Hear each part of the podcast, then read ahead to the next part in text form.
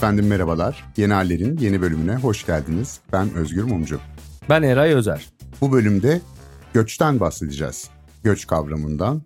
Nereden geldik, nereye gidiyoruz meselesinin üzerine biraz duralım dedik. Malum gündemde olan bir konu. E işte göçtür, mültecilerdir vesairedir.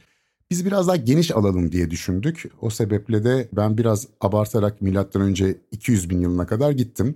Eray Bey siz nerelere kadar gittiniz? Evet evet bir 200 bin yıl gidiyorsun kafadan ki o da insanların göçü için gittiğimiz tarih. Aslında göç öyle bir şey ki insandan daha eski. Yani insan olmadan önce insansı varlıklar da göç ediyorlardı ve tabii hayvanlar da keza aynı şekilde coğrafya içerisinde genişleyen bir alanda giderek daha fazla popülasyonları artarak başka alanlara yayılıyorlar. Dolayısıyla sadece insana dair bir kavram değil aslında göç. İçine hayvanları da hayvanlar alemini de alan geniş bir kavram. Bir antropolog arkadaşıma sordum Amerikalı. Ya sen nasıl bakıyorsun diye. Yani göç konusunda değil genel olarak. Yani insan meselesini nasıl algılıyorsunuz diye sordum. Çünkü antropologların bizden çok daha geniş erimli bir bakış açısı var. Tarih öncesindeki bir takım durumları da araştırıyorlar. İşte arkeologlar, antropologlar falan. Sorduğumda bana şöyle bir cevap verdi. Yani insan nedir dedim. Valla dedi insan sürekli gezinir ve sürekli sevişir dedi. Yani özetle biz sürekli gezinen ve sürekli sevişip çocuk yapan bir canlı türüne benziyoruz gibi geliyor bana.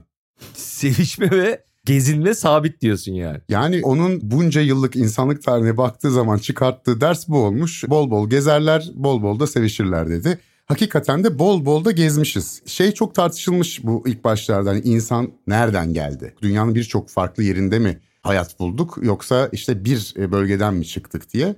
Bu zaman içerisinde yapılan araştırmalarla artık biliyoruz ki biz Afrika'dan gelmiş bir canlı türüyüz, bir memeli türüyüz, bir primatız ve yaklaşık 200 bin sene evvel bugünkü formumuza Homo sapiens durumuna erişmiş durumdayız. Hatta yapılan yine bir başka araştırmaya göre işte meşhurdur ya Havva bulundu falan deniyor. Biliyoruz ki tahminen 10 bin kişilik bir Homo sapiens grubundaki bir kadının kesintisiz bir kız çocuğu soyu var. Yani Havva'nın mitokondriyal DNA'sı hepimizde var. Bu ne en eski atamız ne de tek atamız aslında. En yakın zamanlı ortak atamız anlamına geliyor ama bir anlamda bir aralar hepimiz bir aradaymışız gibi gözüküyor. Bir ne olduysa 80 bin sene evvel falan böyle bir kanımız şevklenmiş, bitimiz kanlanmış. Dur bakalım ne oluyor diye şu dünyaya bakalım demeye başlamışız ve 80 bin sene önce yaklaşık başladığımız bu yolculuk hala devam ediyor. Afrika'dan çıkmışız hani nereden geliyoruz cevabı oldu. Nereye gidiyoruz dediğimizde orası hala belli değil. Sürekli bir yerlere gitmeye devam ediyoruz gibi gözüküyor. Orada tabii şunu belirtmekte fayda var. Bu 200 bin yıl önceye gittik, 80 bin yıl önceye gittik dediğimiz şey aslında sapiensin yani bugün insan diye tarif ettiğimiz ve bunların arasında aklıyla hareket eden diyelim. Ve dolayısıyla bu akıl sayesinde de plan yapabilen ki burada önemli bir zaman dilimi de 50 bin yıl öncesi yani dilin ortaya çıkışı 50 bin yıl önce dil ortaya çıktığında göçün çok fazla arttığını göreceğiz. Niye? Çünkü insanlar artık plan yapmaya başlıyorlar dille birlikte. Daha komplike planlar yapmaya başlıyorlar. Sadece işaretlerle veya seslerle belli anlamlara gelen ama bir dil statüsüne kavuşmamış seslerle anlaşmaktan öteye geçip daha böyle komplike bir tasarım süreci içerisine girebiliyorlar ki devamında zaten çeşitli alet edevatın geliştirilmesi vesaire de çok hızlanıyor bu süreçten sonra. Ama ondan önce yani insanın bu 200 bin yıllık yolculuğu Sapiens'in o bölgeden çıkması ki yakın zamana kadar 60 bin yıl öncesi kabul edilirken artık işte 200 bin yıl öncesine kadar gidebileceği düşünülüyor. Ama ondan önce zaten e, hominid yani insansı varlıklar Homo erectus, Neandertal gibi başka başka türler alt türler diyelim hareket halindeler. Örneğin Homo erectus'un 1.75 milyon yıl önce yani insan söyledikçe bile ben ne dedim ya 1.75 milyon yıl ne demek diye kendi kendine bir şüpheye düşüyor doğru mu söylüyorum diye. Ya bir Avrasya bölgesine yayılma durumu var. Dolayısıyla farklı coğrafyalarda yani Avrupa'da vesairede sapiens olmasa bile başka türlerin bulunduğunu, alt türlerin bulunduğunu biliyoruz o sırada. Yani senin de söylediğin üzere işte dil yeteneğinden ötürü mü oldu bu? iddialardan biri. Yani 200 bin sene evvel bildiğimiz anlamda biraz homo sapiens ortaya çıkıyor ama yaklaşık işte 80 bin 50 bin yıl gibi tartışmalı onlarda o aralarda bize bir haller geliyor. Yani bugünkü anlamda homo sapiens'e dönüşüyoruz. Hani daha öncekiler homo sapiens dememek için bir sebep yok ama biraz daha böyle bir Kemiklerimiz memeklerimiz de inceliyor anladığım kadarıyla. Burada birçok iddia var neden olduğuna dair. Bir tanesi senin söylediğin üzere genetik bir mutasyon sonucu konuşma yetisinin gelişmesi ve böylelikle işte organize olabilmemiz. Sadece aslan geliyor, kaplan geliyor. Kaçtan ziyade hadi hep beraber şuraya gidelim. Bak senin kaynın da gelsin. Bak onları da unutma. Yemekleri yanımıza alalım falan dememiz için değil mi? Böyle bir organize olmamız için dil gerekiyor. Bir iddia o. Başka bir iddia ise kuraklıklar sonucu insanların küçük, dar ve dağılmış bir durumda olduğu ancak iklim düzelince birleşip çoğalarak yayılabildiği yani iklim değişikliğinin burada çok büyük bir önemi olduğunu söylüyor. Benim çok beğendiğim bir başka iddia ise Homo sapiens'in deniz kabukluları yemeye başladığı. Kabuklularda bulunan yağ asidinin bu insandaki modern insandaki bugünkü anlamdaki insandaki inovasyon konusundaki dinamik bir periyoda girmesine yol açtı. Sofistike aletler falan hepsi o dönemden itibaren yapılıyor ve e, çoğunun yanında da kabuklu deniz ürünleri görüyorlar. Yani daha hızlı düşünen, daha akıllı bir hale gelmemizde genetik mutasyon olabilir, iklim değişikliği sebebiyle mecbur kalmış olabiliriz. Bol bol kabuklu deniz ürünü yediğimiz için kafamız çalışmış olabilir.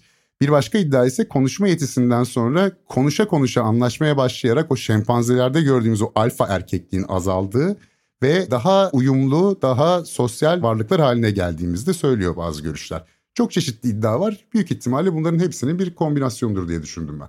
Yani şöyle diyebilir miyiz Özgür Bey? Annelerimizin oğlum kızım balık ye zekan artar demesi aslında çok da boşuna değilmiş yani. Evet evet bir bildikleri varmış gerçekten. Şu da var yani bu ilk göçlere baktığınız zaman Hint okyanusu kıyılarını takip ettiklerini görüyorsunuz. Ve Afrika'da çıktıklarına çok benzer bir iklim var. Yani deniz kabukları ve tropik meyveler. Uzunca bir süre bunları tüketmişler ve benzer bir iklim yolunu takip ederek göç etmişler. Şunu görüyoruz yani önce Asya'ya gidiyorlar 80 ila 60 bin yıl önce. 45 bin yıl önce Endonezya, Papua, Yeni Gine, Avustralya'ya kadar varıyorlar.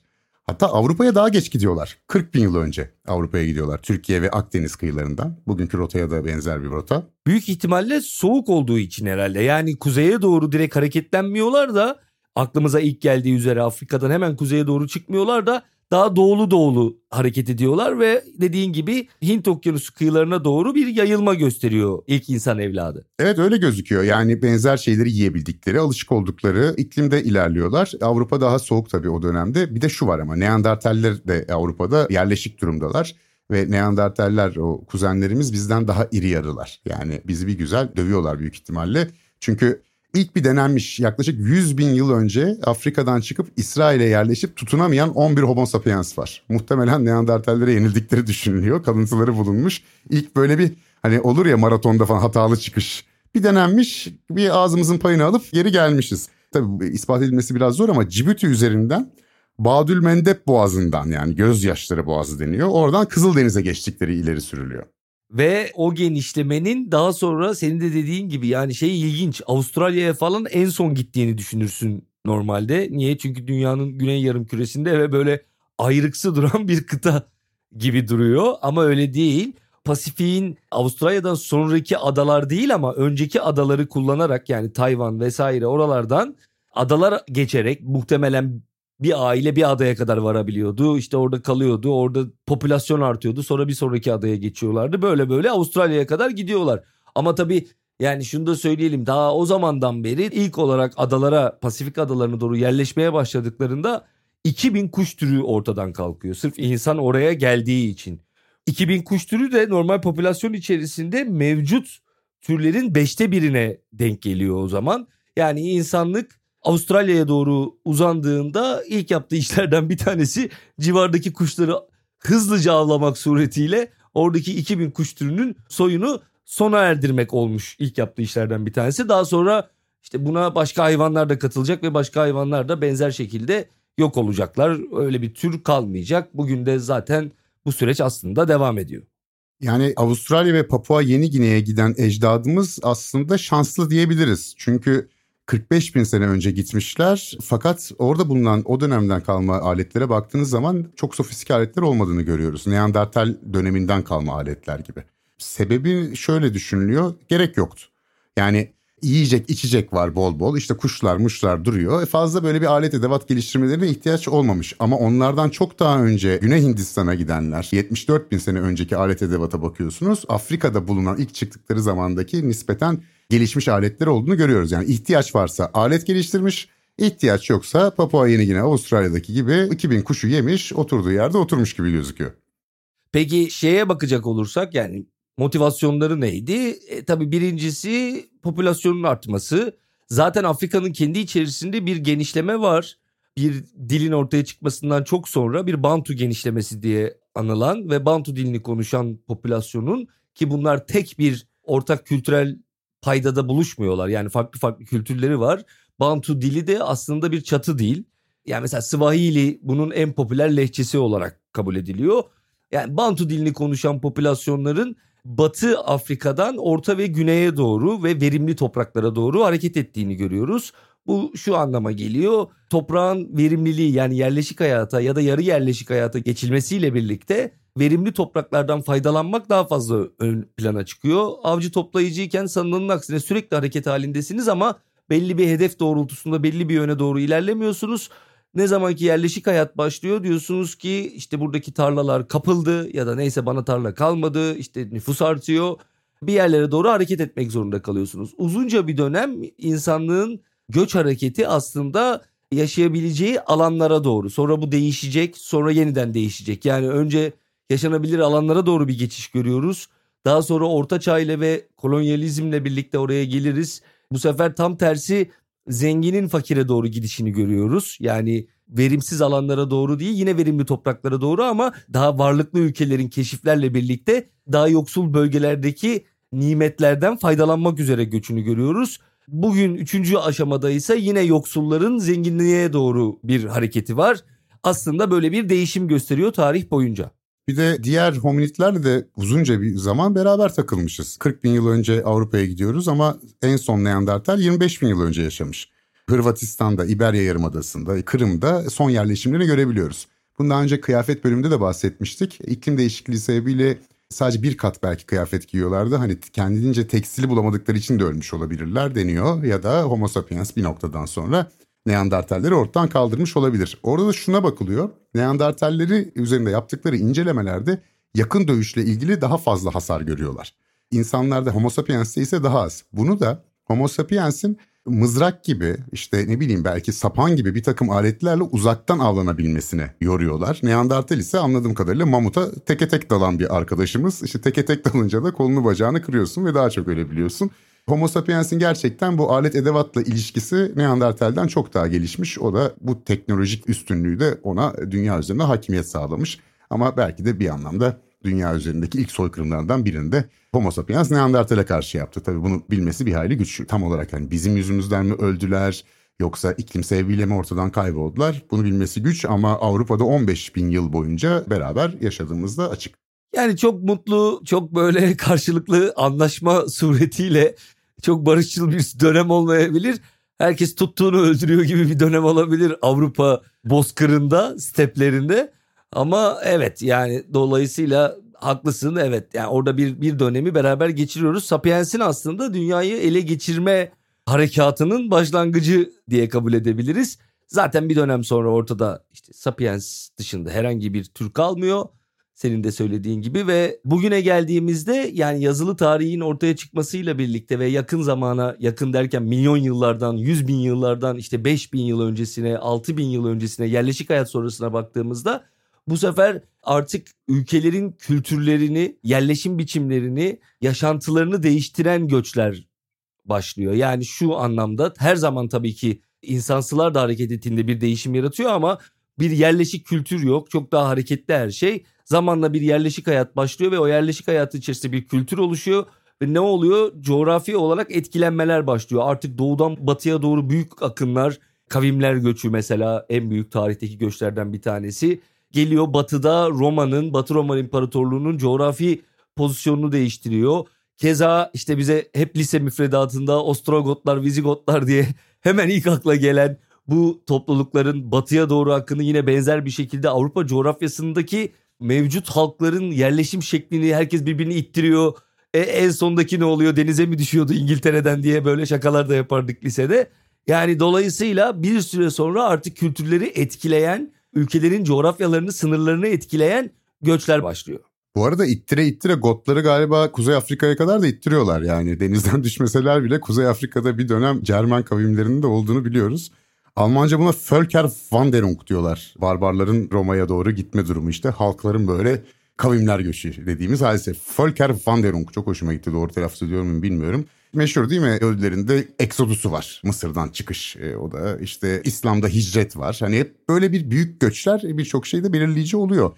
Fakat tarım devrimi tabii nüfusu biraz arttırmış bir hayli arttırmış ama sadece tarım devriminde kalsaymışız bu kadar kalabalık olmayacakmışız gibi gözüküyor. Çünkü milattan sonra bir de yaklaşık 200-300 milyon insan yaşadığı düşünülüyor dünyada. Yani bütün dünya Milattan sonra bir derken bir yani. Bir. Yani öyle diyelim. Hani milattan sonra birinci yüzyıl. Bugün yıllardan yani birden ikiye giriyorsun gibi. Birden yani. ikiye giriyorum. Yani milattan sonra bir bu kadar da net söyledim. Hani böyle acayip bir nüfus sayımı varmış gibi.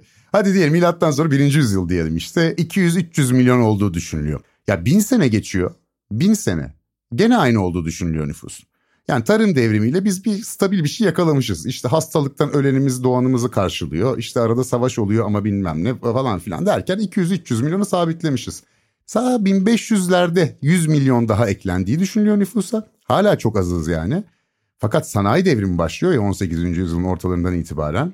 E fosil yakıt insan ve hayvan kasının yerini alır almaz mesele değişiyor. 1800'lerde merhaba 1 milyar kişiyiz. Ve zaten o zaman başlıyor. E, o zaman meşhur iktisatçı Thomas Malthus'un işte 1798'de ya yapmayın aç kalacağız bu kadar insan nasıl olacak bu işler falan. 19. yüzyıl sonu 1.6 milyar. İki Dünya Savaşı sonrası gübre, ilaçlama, tarımda gelişme falan sağlık sektöründeki gelişmeler derken 1945'te 2 milyarız, 1970'te 4 milyarız. Yani bu sanayi devrimi inanılmaz bir şekilde sayımızı arttırmış. Fakat çok panik olunacak bir durum yok. O da şu sebeple bütün tahminler şunu gösteriyor. Biz böyle 2040'lara doğru pik yapacak gibi, zirve yapacak gibi dünya nüfusu yaklaşık olarak 9 milyarda zirveye ulaşacağız. Ondan sonra dünya nüfusunun düşeceği öngörülüyor. Yani o zamana kadar tabii devasa bir felaketle karşı karşıya kalmazsak umarım inşallah o zamandan sonra düşmeye başlarız. Şunu ekleyeceğim ben de senin söylediğine. Bir şeyi altını çizmek lazım. Aslında çok basit bir şey ama özellikle bazı insanlarda çok doğal olarak kafa karışıklığı yaratıyor olabilir. Bir büyük göçleri anlatırken nedir? İşte Amerika'nın keşfi var. Klasik Christoph Kolomb, Amerika Vespucci. Bir bunlardan bahsediyoruz. Bir de bir yandan da insanlık zaten on binlerce yıl önce bütün coğrafyalara yayılmıştı diyoruz. Bu ikisi birden doğru mu? Doğru evet. Yani insan aslında çeşitli coğrafyalara gitmeyi başarıyor. Fakat bir başka noktada bir başka bakış açısıyla geri dönmüyor. Yani orasıyla ana çıkılan nokta arasında bir bağlantı kalmıyor. Orada yerli bir halk kitlesi oluşuyor, halklar oluşuyor, değişik kabileler vesaire. Şu açıdan önemli çünkü Batı öyle bir anlatır ki keşifleri sanki hakikaten kıtayı o zaman insanlık buldu. Hakikaten o zaman ilk defa üstüne çıktı ve aa burada bir kıta varmış. Öyle değil orada yerliler var. Aslında oraya gidiliyor. İşte Amerika'ya kuzeyden Sibirya'dan geçiliyor.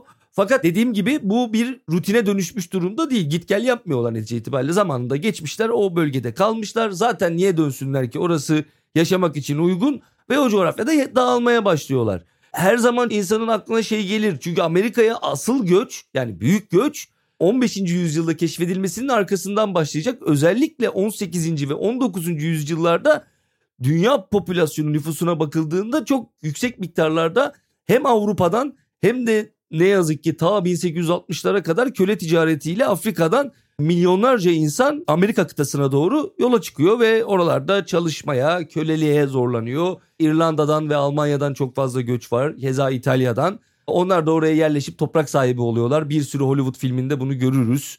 Amerika'da vaat edilen topraklarda nasıl yerleştiğini. Avrupa'dan Amerika'ya göçün önemli bir kısmı da aslında birazcık bir kısmı diyelim ona böyle suçlu potansiyeli taşıyan, toplumda fazla istenmeyen, mümkünse uzaklara gönderilmek isteyen insanlardan da oluşuyor. O yüzden orası bir vahşi batı adını alıyor. Çünkü orada suça meyilli bir takım insanların rant kavgası başlıyor. Gerçekten de kanlı bir dönem yaşanıyor. Bu 15. yüzyıldan alalım 20. yüzyıla kadar. Yine bu antropolog olan Amerikalı arkadaşım Kaliforniyalıydı. O da şey demişti. Ya düşünsene benim ailem İrlanda'dan ta Amerika'nın en batısına geldiğine göre büyük ihtimalle her yerden kovdular bizi demişti. Hani böyle yani kovula kovula oraya kadar vardık diye bir fikri vardı. Hatta kendi aralarında onun esprisini şakasını yapıyorlar. Bu arada senin bu hani zaten yani ne demek keşfetmek bir yeri? Güney ve Kuzey Amerika'ya da yaklaşık 15 bin sene önce Asya üzerinden gidilmiş. İklim müsaade ediyormuş Bering Boğazı üzerinden vesaire. İşte ondan sonra sen buluyorsun keşfettim diyorsun. Bununla ilgili de şöyle bir meseleye rast geldim geçenlerde bir şey okurken. Hani vardır ya bu Amazon ormanlarında hiç medeniyetle karşılaşmamış işte avcı toplayıcı kabileler bulunur. İşte onlarla bir ilk temas kurulur. Ben çok severim o videoları izlemeyi bu arada. E, ve aklım da almazdı yani bunlar gittiler hep avcı toplayıcı mı kaldılar o? Ve niye gidip tropik bir ormanın içerisinden çok da rahat değil orada yaşaması. Yani niye bir açıklığa düzlüğe gitmedi çayırda çimende niye bunlar durmuyor diye hep düşünürdüm. Sonra bir yerde şuna rastladım. Bunlar böyle hiç kimseyle karşılaşmamış ilkel insanlar değiller. Bunlar batılı sömürgeciler geldikten sonra dağıtılan büyük Güney Amerika imparatorluklarından kaçmış insanlar ve kendini bir şekilde ormana atıp orada yeniden bir hayat kurmaya başlayıp e, doğal olarak avcı toplayıcılığa dönmüşler zaman içerisinde. Yani bunlar İnkaların, Mayaların çocuklarıymış. Orada hep gördüğümüz bilirsin değil mi sen de o çok denk gelmişsin işte Amazon ormanı yerlileri dediklerimiz. Aslında büyük medeniyetlerin, büyük imparatorlukların dağılması sonucunda kendilerini canlarını oraya atmış insanlardan oluşuyormuş. Şimdi de gidip onların Amazon'daki ormanlarını katlediyoruz vesaire yapıyoruz. Bir türlü kurtulamamışlar yani sömürgecilerden bu zavallı Güney Amerika halkları diyebiliriz. Bu kısmı bana ilginç geliyor. Yani önce yokluktan varlığa doğru bir göç var. Sonra varlık sahiplerinin kolonyal emperyalist hedeflerle farklı farklı coğrafyalarda çeşitli sömürgeler yaratması amaçlı bir göç var. Keza aynı şekilde imparatorluklar çağında fetihlerin hemen sonrasında bizzat fetheden imparatorluğun uçlara yani yabancı topraklara kendi topraklarından insan götürmesi var. Yani ne oluyor? İşte Osmanlı yeni bir yeri fethettiğinde örneğin buradan yani Anadolu topraklarından insanları oraya yerleştiriyor ki o nüfusun kendisine karşı ayaklanma ihtimalini azaltmak ve orada nüfusu daha heterojen hale getirmek için diyeyim. Böyle bir girişim var. Uçlara doğru kendi insanlarını yerleştiriyorsun. Ama aynı zamanda karşıdan da bir akın geliyor. Batı Roma İmparatorluğu'nun yıkılışı aslında bir noktada bu göç dalgalarına karşı koyamaması. Hem kendisi ileriye doğru kendi insanlarını taşırken karşı taraftan gelenler var ve bunlar arasında çatışmalar yaşanıyor tabii ki. Parantez açıp buraya hani konudan konuya geçiyoruz ama buraya atlamayalım istiyorum çünkü eski zamanlardan bahsediyoruz. Biraz da hayvanlara baktım ben hayvanlardaki göç meselesine baktım insandan bağımsız olarak. Gerçekten çarpıcı aslında bütün dünya üzerindeki canlılar olarak hepimiz hareket halindeyiz. Yani bu sadece insanlara özgü bir durum değil. Yani plankton seviyesinde bile bir göç durumu söz konusu. Bunların bazıları hayvanlarda genellikle mevsimlik göçler oluyor. Yani bir hayvan bir coğrafyadan bir coğrafyaya göç ediyor ve daha sonra belli bir mevsimde geri dönüyor. Ama illaki böyle olmak zorunda değil. Yine aynı şekilde daha yaşanabilir topraklara doğru genişlediğinde düşünebiliyoruz zaman zaman. En basit örneği bugün artık Çernobil'de şehre girilemediği için hemen reaktörün yanındaki şehir merkezine orada işte kurtların, kuşların, daha evvel hiç görülmeyen türlerin yani o coğrafyada Rusya tarafından gelmek suretiyle çeşitli ayıların filan orada yaşamaya başladıklarını görüyoruz. Yani yengeç larvası mesela göçmen bir hayvan. Balinalar var keza yani binlerce kilometre kat ediyorlar. Kambur balina örneğin 8500 kilometre kat ediyor her yıl. 8500 kilometre de kilometre yani. Kelebek var mesela. Kral kelebeği 4750 kilometre ile sonbaharda Kuzey Amerika'dan güneye doğru göç ediyor. Böcekler arasında en uzun mesafeyi kat eden hayvan. Bir de sumru diye bir kuş var Özgür. Esas bunu anlatmak istiyorum. Bu kuş çok enteresan. Bu kuş hayvanlar içerisinde yani round trip gidiş dönüş olmak üzere en uzun göçü yapan hayvan. Çünkü Grönland Antarktika arasını her yıl kat ediyor. Ve bu hayvan 30 yıl yaşıyor. 30 yıl yaşadığını düşünürsek Sumru isimli kuş, Sumru'nun bir türü bu. Hayatı boyunca 2.4 milyon kilometre yolda geçiriyor. 2.4 milyon kilometre yol kat ediyor. Yani dünya ile ay arasının 6 katı kadar mesafe uçuyor. Vallahi ne diyeceğim bilemedim. Hani Evliya Çelebi rüyasında peygamberi görmüş de, de yanlışlıkla seyahat ya Resulullah demiş. O sebeple hep seyahat etmiş denir. E bu kuşun da herhalde rüyasında böyle bir durum oldu. Yani bir evliya görünmüş diyorsun kuşa. Yani bu kadar da uçulur mu kardeşim yani bir yerde de durman lazım. Ben ne yapıyorum diyeceksin. Sen de bugün bir sumruysan hani ya bak diğer kuşlar da gidiyor bir yere. Hani o kadar da gitmiyorlar değil mi? Sen sana ne oluyor yani? Bir şey daha söyleyeyim Özgür bu arada. Tabii. E, yine yeri gelmişken ilginç bilgi olarak bu hayvanlar alemini kapatmadan önce geçmeyeyim bunu söylemeden. Her bölümde bir Aristoteles söylemezsek yani bahsetmezsek biraz ayıp oluyor Aristoteles'e diye düşündüğüm için oradan bir e, bilgiyle geldim. Bu Aristoteles tabii ki her şeyi gözlediği gibi hayvanları da gözlüyor. Hayatın her alanında olduğu gibi o konuda da bir fikri var. Fakat bu sefer biraz çuvallıyor. Maalesef bu sefer olmadı Aristo diyoruz. Ötleyen kırlangıç gibi kuşlara bakıyor ve diyor ki yaz sonunda bunlar kayboluyorlar. Şöyle bir sonuca varıyor Aristo ve uzun yıllar boyunca da bu bilgi kalıyor. Kışın bunlar farklı türlere dönüşüyorlar diyor. Göç ettiklerini akıl edemiyor ve diyor ki bunlar tür değiştiriyorlar diyor. İşte şu kuş şu kuşa dönüşüyor diyor. Şu kuş kışın şu kuşa dönüşüyor. Yani balık gibi yavruyken adı başka işte büyüyünce başka oluyor gibi düşünün. 1800'lere kadar yaygın olan bir başka inanışsa göçmen kuşların aslında göçmeyip yani göçmen olduğunu bilmedikleri için ta 1800'lere kadar da inanan varmış buna. Göletlerin ve çeşitli göllerin dibindeki çamurların içerisine girerek kışı orada geçirdikleri çok soğuk olmadığı için çamurda beklediklerine inanılıyormuş. Daha doğrusu bu o dönemki bilimsel bir gerçekliğe tekabül ediyormuş. E, hayvanların uçarak bir yerden o binlerce kilometre gideceğini düşünememişler herhalde. Yani aslında bence öncesinde düşünüyorlarmış. Daha avcı toplayıcı ve doğayla birebir yaşadıkları zaman düşünüyorlarmış ki Avustralya'ya kadar gitmişler. Çünkü sen bir adacıktasın, uçsuz bucaksız bir ufuk görüyorsun. E kuşlar bir yere gidiyor. E kuşlar bir yere gittiğine göre bunların konduğu bir yer vardır diyerek aslında gemilerle kuşların rotasını takip ediyorlar ve o adaları bulabiliyorlar. Sonra işte tarım toplumundan sonra Aristoteles falan tabii biraz tabiri caizse kıçı yaymışlar Atina'da. Peşine de düşmüyor kuşunmuşun. Ha bu değişiyordur ya diyor. Hayal gücü de geniş. Mitoloji falan çıkmış. O değişiyordur ona Zeus bilmem ne yapmıştır falan diye. Oralardan herhalde devam etti. Tabii kınamıyoruz Aristoteles'i. Çünkü herkes hata yapabilir. Aristoteles'in de hata yapma, bunlardan ders çıkartma ve kendisini geliştirme imkanı olmalıdır diye düşünüyorum.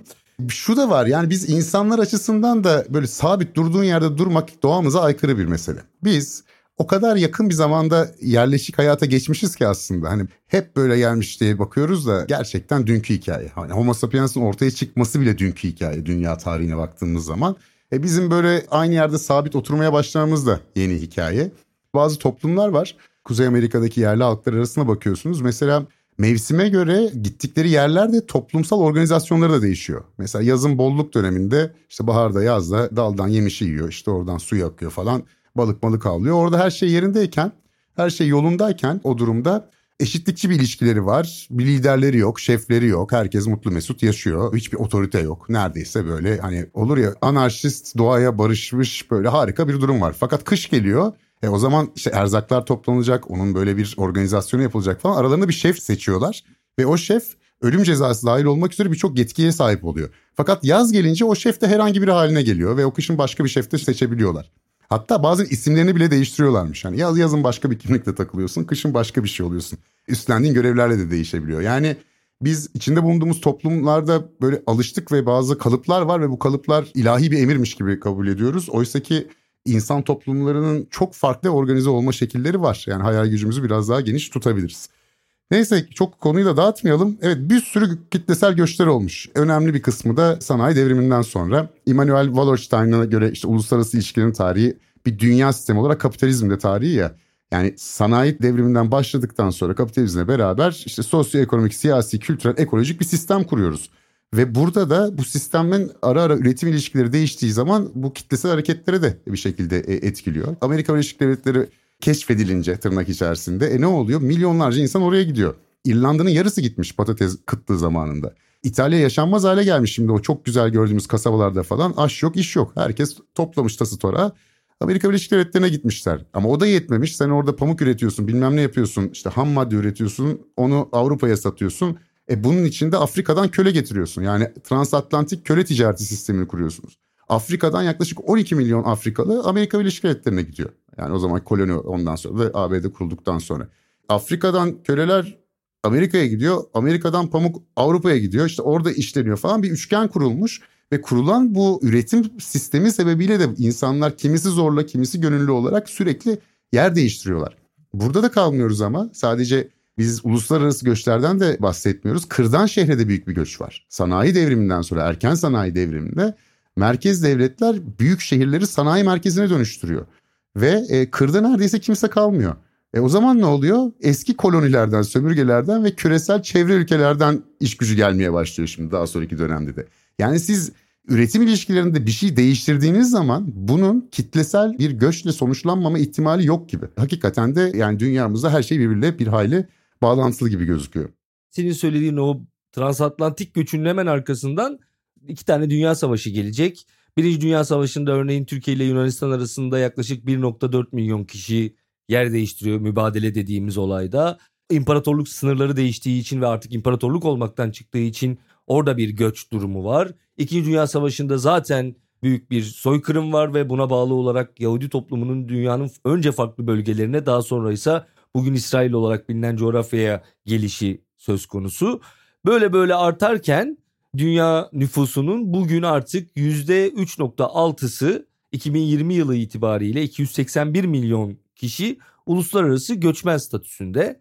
Bunların alt kırılımları var işte mülteci, sadece göçmen, sığınmacı vesaire diye gidiyor. Terminolojik olarak birbirlerinden farklı, hukuki açıdan farklı özellikler barındırıyor bu statüler. Ama bugün bu 281 milyon göçmen dünya nüfusunun dediğim gibi %3.6'sına tekabül ediyor. Bu %3.6'yı oluşturan insanların 135 milyonu kadın, 146 milyonu ise erkek ve 169 milyonu ise göçmen işçi pozisyonunda. Baktığımızda aslında göçmen oranının dünya nüfusuna kıyaslandığında uzun yıllar boyunca aynı seviyelerde 2.5 seviyelerinde kaldığını görüyoruz. Ama son 50 yıl içerisinde 2. Dünya Savaşı'ndan sonra giderek artıyor bu oran bugün 3.6'ya gelmiş durumda. Bu sayının ileride özellikle küresel ısınmaya bağlı olarak artacağı tahmin ediliyor ve artmasından korkuluyor. 2000 ile 2020 yılları arasında %0.8 bir artış olmuş bu arada hakikaten ciddi bir artış var. Ama şunu da altın çizmek gerekiyor göçmenlik doğduğun ülkede değil başka ülkede hayatını geçirmek ise şayet 19. yüzyıl sonunda göçmenlerin dünya nüfusunun oranı %14. Yani Amerika Birleşik Devletleri de var. Birçok insan da oraya göçmüş. Yani %14'ten %3'lere inmişiz aslında başka bir e, perspektiften de bakınca. Yani çok böyle alarmı olacak bir durum var mı yok mu bu tartışılır elbette. Tabii ülkeden ülkeye de durumdan duruma da bu fark edebiliyor. Orada tabii altını çizilmesi gereken nokta yakın zamanda birden göç hızının arttığını görüyoruz. Bir de tabii aynı şekilde göç nedenleri de burada önemli. Bugün bu 281 milyon rakamının içerisinde 89.4 milyon kişi zorunlu göç halinde. Yani bunların 26.4 milyonu şu anda mülteci statüsünde, 4.1 milyonu sığınmacı, 3.9 milyon yine Birleşmiş Milletler'in son raporuna göre Venezuelalıları ayırmışlar. Çünkü orada başka bir durum var. Daha statüleri de çok net değil ikili bir hükümet var. İşte Amerika'nın tanıdığı bir hükümet var. Bunun dışında şu anda Maduro hükümeti devam ediyor. Onları ayrı bir statüde incelemişler. 55 milyonda yersizler yani daha mülteci veya sığınmacı statüsüne bile tam olarak sahip olamamış ne olacakları belli olmayan insan popülasyonu var. Bu 55 milyonun 48 milyonu çatışmalardan kaçmış vaziyette 7 milyonu ise küresel felaketlerden diyelim işte sel, deprem vesaire yangın gibi felaketler ve küresel ısınma yüzünden yer değiştiriyor durumdalar. Tabii küresel ısınma meselesine bir parantez açayım. Ömer Madza ile bir röportaj yapmıştık yıllar önce. Orada şunu söylemişti ki bence çok haklı. Tabii bu savaş vesaire yüzünden çatışma yüzünden kaçıyor diyoruz ama bu çatışmaların sebebinin arkasında da küresel ısınmayı sebep olarak gösterebiliriz. Yani dünyanın güneyindeki çatışmaların önemli bir kısmı toprakların verim kaybına uğraması, tarım alanlarının azalması, dolayısıyla açlığın artması, yoksulluğun artmasıyla ve buna bağlı siyasi istikrarsızlıklarla ilintili. Dolayısıyla sadece tek başına şunu diyemeyiz yani çatışma yüzünden göçüyorlar. Çatışma niye çıktı bir de ona bakmak lazım. Dolayısıyla bu küresel ısınma, iklim değişikliğine bağlı göçü tarif ederken aslında içine belli noktalarda çatışmaları da dahil etmek gerekiyor. Zurnanın zırt dediği yer derler değil mi buna? Asıl mesele günümüzde bu. Çünkü şu anda dünyada doğrudan iklim göçmeni olduğu düşünülen 50 milyon kişi var. Fakat yapılan hesaplara göre eğer 1 derece artarsa toplam sıcaklık dünyada 200 milyona ulaşacağı düşünülüyor bu sayının. Ve işte hedeflere bakıyorsunuz sıfır karbon salınımı varma hedefleri var ya 2050 yılında. Orada amaç 1,5 derecede tutmak. Büyük ihtimalle 2 dereceye kadar da çıkacak. Yani biz 200 milyon en az 200 milyon insanın daha çok yakın bir gelecekte sadece iklim sebebiyle bu göçmenler arasında katılacağını görüyoruz ve E, dolaylı olarak yani iklim krizi neye yol açıyor tabii ki? İşte su kaynaklarının paylaşılması, bazı doğal kaynakların paylaşılması, toprağın paylaşılması bu ise savaşlara, gerginliklere yol açacak bir durumdur. Ve bunun artacağı açık. Aynı zamanda dünyada su da azalıyor. Dünya nüfusunun %70'i tatlı su kaynaklarına yakın bir yerde yaşıyor. Ve tarım da tatlı suyun %70'ini kullanıyor. Yani biz bu şekilde bu nüfusla tüketimle devam edersek daha çok çok büyük göç hareketleri göreceğiz. Şeyi de söylemek lazım. Bu arada mülteci, sığınmacı işte bunlar bir şekilde sistematik insan hakları ihlallerine maruz kalan, ülkesine dönmesi güvenli olmayan kişiler. Bunlar toplam dünyadaki göçmenler oranı %10. 10.1 galiba. Yani asıl büyük göçmen kitleleri daha ziyade işte iklimden dolayı ya da iktisadi sebeplerden dolayı göçmeye çalışan insanlar. Bu arada iç göçü de bahsetmemiz gerekiyor. Çünkü hani biz dünya haritasına baktığımız zaman hep böyle devlet sınırlarını görüyoruz ya hep kafamıza o şekilde nakşediliyor. Ve bunlar böyle hiç değişmez şeylermiş gibi görüyoruz. Oysa dünya haritasında belki tek değişen şey onlar. Yani bizim işte kaç yaşındayız 40'lı yaşlarımızdayız kaç kere haritanın değiştiğini gördük değil mi? Sovyetler Birliği çöktü Yugoslavya dağıldı falan ama nedense onlar hiç değişmeyecekmiş gibi görüyoruz. Kafamıza o şekilde kazınmış. Oysa bu sınırlarda, vizelerde işte ne bileyim çok yakın zamanın işleri. Ulus devletin çıkması da falan. Burada haritaya baktığımız zaman görmemiz gereken dağlar, nehirler, tatlı su kaynakları vesaire olması gerekiyor. Ancak o zaman bu kitlesel iklim göçüyle ilgili meseleleri anlayabiliriz gibi geliyor bana. Ve iç göçe de tekrar dönersem Çin'deki iç göçmen sayısı tüm dünyadaki göçmenlerden fazlaymış biliyor musun? Yani Çin'in içerisinde o kadar çok bu hızlı sanayileşmeden ötürü bir göç varmış ki zaten hani Çin de bir dışarı göçmeye karar verdiği andan itibaren ne yaparız bilmiyorum. Ben de 2009 yılına ait bir rakam var o konuyla ilgili. 2009'da 740 milyonmuş iç göçmen sayısı. Yani bugün milyara ulaştığını hatta aştığını tahmin etmek yanlış olmaz diye düşünüyorum.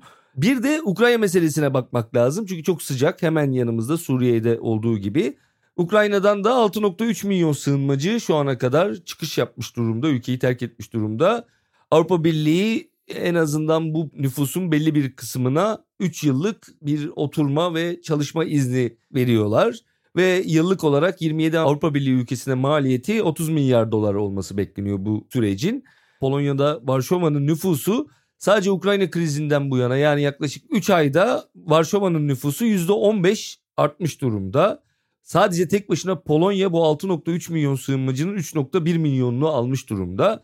Dolayısıyla ortaya çıkan tablo dünyanın ekseni etrafında çatışmalar arttıkça göçün de bundan çok hızlıca etkilendiğini ve göç hareketinde arttığını gösteriyor. Türkiye Suriye arasındaki koridor dünya üzerinde Meksika ve Amerika arasındaki koridordan sonra en yoğun son yıllarda göçe sebebiyet veren ikinci koridor durumunda. Meksika Amerika uzun yıllardan beri birinciliği koruyor. Hatta şöyle bir ilginç rakam da buldum. 2010'da 12 milyon resmi göç olmuş Meksika Amerika arasında tek yıl içerisinde. Yani ne kadar büyük bir göçten bahsettiğimizi bu rakam gösteriyor aslında. Tabii ama öte yandan da şu var. Yani her ne kadar özellikle bu 2015-2016'daki bu mülteci krizinden sonra Avrupa'da siyaseti de çok etkiledi bu göç ve mültecilik karşıtlığı. Amerika Birleşik Devletleri'nde zaten malum işte Donald Trump duvar öreceğim dedi, duvar ördü vesaire. Fakat şöyle bir durum var. Yani hiç göç olmasa Avrupa Birliği'nin artı Birleşik Krallık İngiltere nüfusu 510 milyondan 2050'de 470 milyona düşecek zaten ya da Amerika Birleşik Devletleri hiç göçmen almazsa 2040 senesinde sigorta sistemi çöküyor. Yani emeklilerin maaşını ödeyebilecek kadar çalışan insanın vergisi bulunamıyor. Yani mecburlar zaten bunu almıyor. ABD'de bilim insanlarının %40'ı, doktorların 1 bölü 3'ü, Silikon Vadisi'nin teknoloji şirketlerinin kurucularının yarısı, teknoloji alanında çalışanların iki, üçte ikisi yabancı ülkelerde doğmuş. Yani bu artistliği yapıyorlar Avrupa Birliği de Amerika Birleşik Devletleri de. Bunlar bu son çığlıkları gibi yani oradaki bir takım Brexitçiler, Trumpçılar falan bunlar bu son reaksiyonlar, son çığlıklar aslında. Yani mecburlar almaya çünkü sayılar ortada. Yani gerçekten de biraz sinir bozucu bir durum bu. Hani bunu görüyorsunuz. Sayılar ortada. Zaten gayet de güzel bunu kullanıyorsunuz bu insanları sonra da karşı çıkıyorsunuz diye. Ama tabii bunun entegrasyon meselesi, işte asimilasyon meselesi, zamana yayılması falan bunlar çok zor planlanması güç işler ve doğal olarak kültürel bazı tepkiler de olabiliyor. Fakat en nihayetinde görmemiz gereken şu bu iş durmaz. Yani bu göçe ihtiyaçları var ve bu göç de geliyor zaten. Şunu da söylemek istiyorum. Yani dünyada 1960 senesinde şehirde yaşayan insan sayısı 1 milyarmış. Günümüzde bu 6 milyara çıkmış durumda. Önümüzdeki 10 sene içerisinde 1 milyar daha artacağı düşünülüyor her şeyin çok hızlı değiştiği bir dünyada yaşıyoruz. İstanbul özelinde şunu söyleyeyim. Dünyanın en hızlı büyüyen şehirleri, bunlar önemli bir kısmı da göç aldığı için böyle oluyor.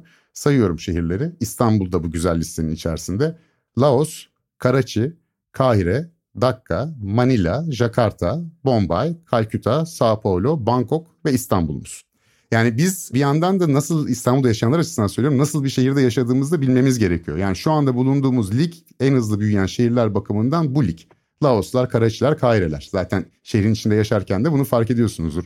Bu da güç bir durum. Yani bu kadar kakofoni içerisinde, kaos içerisinde bu şehirlerde yaşamak güç. Aynı zamanda bütün bu saydığımız şehirler İstanbul'da dahil olmak üzere iklim krizinden büyük ihtimalle sert bir şekilde etkilenecek ülkeler. Bunu niye söylüyorum? Şehirleşme de devam edecek sürekli. Ve şöyle bir şeyle karşı karşıyayız. Şu anda dünyada insanların %65'i Y ve Z jenerasyonuna dahil. Ve Z jenerasyonundan sonra gelen kuşak Z jenerasyonundan daha az sayıda olacak. Yani aslında en çok görebileceğiniz insan şu anda dünyadaki en yaygın insan grubu şu. Bir şehirde tek başına yaşayan, bekar, çocuksuz, hayatta kalmaya çalışan genç bir insan. Şu anda dünyanın çoğunluğunu bunlar oluşturuyor ve bu insanların da gitmeleri için ellerinde her türlü sebep var. Yani altyapı yatırımı yapılmazsa bir ülkeye, iklim krizine karşı önlem alınmazsa, eğitim, istihdam sağlanmazsa insanlar her zaman her yere giderler. Mesela 11 Eylül'den sonra bir sürü rapor yayınlandı Amerika Birleşik Devletleri'nde. Arap ülkelerindeki eğitimsiz genç nüfusun bir noktadan sonra patlamaya yol açacağıydı. Bu raporlar yazıldı yazıldı, raflara kaldırıldı. Bunun için yapılması gereken paranın kat be katı Irak'ı işgal etmek için kullanıldı. Sonuç ortada. Ben aslında bunu sona saklamıştım. Ben de benzer bir bilgiler demeti paylaşmak istiyorum diyeyim. Hinde Haas diye bir akademisyen Oxford'da göç araştırmaları merkezinde görevli ve göçle ilgili doğru sandığımız 7 yanlış diye bir saptaması var. Onları çok kısaca geçmek istiyorum Hinde Haas'ın. İsteyenler zaten Google'layarak ulaşırlar. 7 tane mit var diyor göçle ilgili ve bunlar aslında doğru değil diyor. Doğrularını anlatıyor.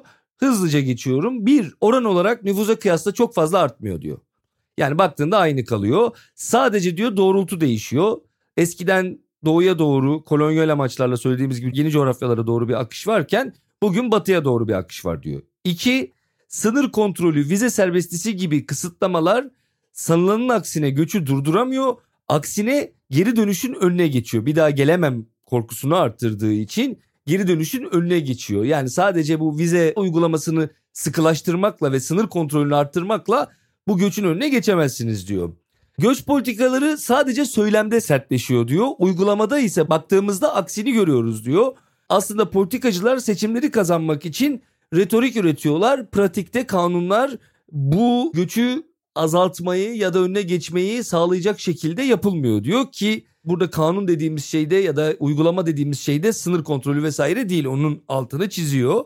Dördüncü mit ekonomik gelişme zenginleşme beklenenin aksine göçü arttırıyor diyor.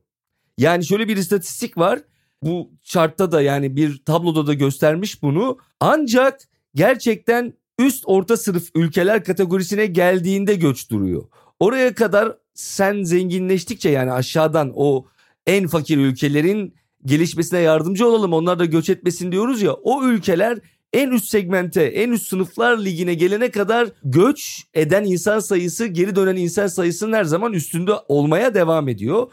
Beşincisi beyin göçü bu enteresan bir bilgi. Bununla ilgili data da var zaten. Ülkeler hani beyin göçü sayesinde para kaybediyorlar diyoruz ama diyor öyle değil. Beyin göçü sayesinde diyor ülkeye gidenler para gönderdikleri için göçtükleri ülkeden ana yani kendi ülkelerinde birikim artıyor diyor. Bununla ilgili Birleşmiş Milletler datası da 2000'de 126 milyar dolar gönderiliyormuş eve göçmenler tarafından. 2020'de bu rakam 702 milyar dolara çıkmış aynı zamanda kendi ülkelerinde ana vatanlarında da yatırım yaptıklarını altını çizerek şeyi söylüyor yani beyin göçü her zaman aleyhte işlemiyor diyor. Altıncı bit ise şöyle göçmenler işimizi almıyorlar. Genelde yerel nüfusun kaçındığı veya beceremediği işleri yapıyorlar diyor. Göç yani aslında işverene yarıyor bu anlamda yani patronlara yarıyor ama ekonomi üzerinde çok büyük olmasa da bir artısı var diyor. Ve yedincisi de bu göç Özgür Bey'in aslında bahsettiği yaşlanma problemine çabuk bir çözüm gibi gözükmüyor diyor. Nüfusun yaşlanması problemini göç sayesinde genç nüfusu alarak halledemezsiniz. Çünkü diyor onun da gerekçesi gelen nüfus, göçmen nüfusu oranın yerleştiği yeni bölgenin üreme paternine yani kaç çocuk yapılması geleneksel olarak gerekiyorsa çok hızlı adapte oluyorlar. Dolayısıyla oradaki kültürün içerisinde onlar da onlardan beklendiği kadar hızlı bir şekilde üremiyorlar diyor. Bu 7 doğru bilinen yanlışın altını çiziyor Heinde Haas. Tabii tüm bunlara rağmen kitlesel ve ani şekilde, düzensiz şekilde gerçekleşen göç hareketlerinde büyük bir istikrarsızlık kaynağı olduğu açık. Yani çok olumlu tarafları var, engellenemez bir tarafı var ama öte yandan da devletlerin de ciddi bir göç politikası olması gerektiğini görüyoruz zaten. İşte Türkiye'den de görüyoruz. Ciddi bir göç politikanız olmadığı zaman ne yaptığınız belli olmuyor. Yani bir yandan göç doğal bir şey, engellenmesi çok güç bir şey. Ancak öte yandan da ülkelerin de makul mantıklı bir göç politikası da e, belirlemesi gerektiğini düşünüyorum. Başka bir konu bu zaten. Ayrıca bunu işleyebiliriz. Yani ben kapatırken şunları söyleyeyim. Benim gördüklerim şu. Yani evet benim o antropolog arkadaşımın söylediği üzere çok geziyoruz ve çok çocuk yapıyoruz. Orası kesin ama 2040'lardan sonra o kadar çocuk yapmayacağız gibi gözüküyor. Z jenerasyonundan daha kalabalık olmayacak gibi gözüküyor onların çocuklarının jenerasyonu. Şehirlerde yalnız yaşayan prekarya bir takım bireylerin mobilitenin aslında çok arttığı, birbiriyle çok bağlantılı bir dünyada yerine tutamayacaksınız. Özellikle Y jenerasyon açısından bu geçerli. Bir de şu var tabii mesela senle ben diyelim ki Kanada'ya göçmeye karar verdik. Puantaj sistemi var yaşımızdan ötürü bize 2 puan falan veriyorlar. Ama 20'li yaşlarının başındaysan güzel böyle 10 küsur puan alıyorsun. Yani genç ve eğitimli kesimleri çekmek gibi bir niyeti de var. Bu özellikle gelişmiş batı devletlerinin. Göçlerin önemli bir kısmı kuzeyden kuzeye değil, güneyden güneye oluyor deniyor. Tabii bu hani siyasi bir kavram olarak güney ve kuzey diyoruz. Yoksa Hindistan'da kuzey yarımkürede yani. Yani daha çok bu devletleri de daha çok ilgilendirmeye başladı. Bu sadece batının sorunu değil. Afrika'nın içerisinde, Latin Amerika'nın içerisinde, Asya'nın içerisinde devasa boyutta kitlesel göç hareketleri var ve onun acısını da en çok orada çekecekler. Ve iklim krizini gerçekten yabana atmayalım. Bu 200 milyon bence çok mütevazı bir tahmin. Bunun çok daha fazla artacağı öngörülüyor. Halihazırda şu anda mesela Hindistan'daki, Sri Lanka'daki sıcaklık dalgalarını düşünelim. E bunların can alıcı bir noktaya gelmesine de çok fazla vakit kalmamış gibi gözüküyor. İnsanların genel itibariyle deniz kıyılarından uzaklaşacağı, tepelere doğru gideceği, daha çok kuzeye doğru kapak atmaya çalışacakları bir dönemden geçiyoruz. O döneme doğru girdik ve bu giderek artacak. Ondan ötürü de bunun zaten kaçınılmaz olduğunu görüp buna göre tedbirler alınması gerekiyor gibi geliyor bana. Ve hepimizin de biraz gözünün açık olması gerekiyor. Yani dünya eski dünya değil çok hızlı bir şekilde kitlesel göç hareketlerinin de karşı konulamaz bir şekilde artacağı bir dünya. Bunu bilip dünyamıza o şekilde bakarsak, haritalarımızı da o şekilde görürsek bence hepimiz için daha faydalı olur gibi geliyor bana. Bu arada hep söylemeyi unuttuğumuzu fark ettik Eray'la. Bizim de bir Patreon hesabımız var. Patreon.com slash yeni hallerde bulunuyor. Patreon'da bize destek verenlere teşekkür etme amacıyla bazı podcastlerimiz olacak. Bunun haricinde bazı video sohbet toplantıları yapıyoruz. Hem Patreon'da bizi takip edenlerle hem de bazı konuların uzmanlarıyla. Orada da bir varlığımız var. Dileyenler patreon.com slash yeni haller adresinden ziyaret edip duruma bakabilirler. Esen kalın efendim. Orkoluğumu yaptım diyorsun. Aslında sen orkoluğunu bir önceki turda yapmıştın. Bu da üstüne ekstra orkoluk olmuş oldu. Zaten bu konu böyle demir leblebi yani. Çok zor neresinden tutsan, nasıl baksan, kalan olarak baksan, giden olarak baksan, karşılayan olarak baksan ee, zor. Farklı kültürlerin bir araya gelmesi zor. Ama şunu bilmek gerekiyor. Birazcık yani insanın herhangi bir konuyla ilgili bir taraf olmasına gerek yok. Yani illa göçmen karşıtı ya da göçsünler tabii canım falan diye iki ekstrem uçta olmaya gerek yok. Şunu bilmek gerekiyor. İnsanlık ve hatta hayvanlar alemi tarih boyunca sürekli yer değiştirmiş. Dolayısıyla bu yer değiştirme hareketleri devam ediyor. Bugün daha yakıcı bir durumda bu mesele çünkü küresel ısınma diye bir durum var ve dünyanın bazı toprakları artık verimsiz ve yaşanamaz hale geliyor. Dolayısıyla geleceğe dair insanlık dünyaya verdiği zararın aslında bir tür bedelini ödüyor. Böyle baktığımızda yani biraz empati kurduğumuzda gelen de kaldığı yerde, var olduğu yerde yaşayabilseydi zaten kalkıp gelmezdi. Bunları çekmezdi diyebiliyorsunuz. Ama evet mevcut ülkede zaten örneğin Türkiye gibi kaynakların kısıtlı olduğu ülkelerde de bu durum belli başlı toplumsal sorunlara yol açıyor. Bu da bir gerçek. Dolayısıyla ne oluyor? Aslında sorunları çözmek için yetki verdiğimiz insanların inisiyatif alıp bir şekilde bu problemi en azından hafifletmesini bekliyoruz. Aslında gösterilen tepki de belki de bu inisiyatifi almakta geç kalınmasına gösteriliyor. Böyle bakıldığında herkes haklı özetle. Özgür'ün de dediği gibi bundan sonrasında patreon.com slash yeni haller adresinde sadece Patreon destekçilerimize özel yeni podcast bölümleri yine böyle sesli daha kısa belki ve konuların daha kısa halledilebilir konular göç gibi büyük konular olmayan konuları işleyeceğiz efendim. Patreon'a özel böyle içeriklerimiz olacak yakın zamanda. O yüzden bizi patreon.com slash yeni haller adresinden destekleyebilirsiniz diyerek bitirmiş olayım efendim ben de. Bir sonraki bölümde görüşmek üzere kalın sağlıcakla.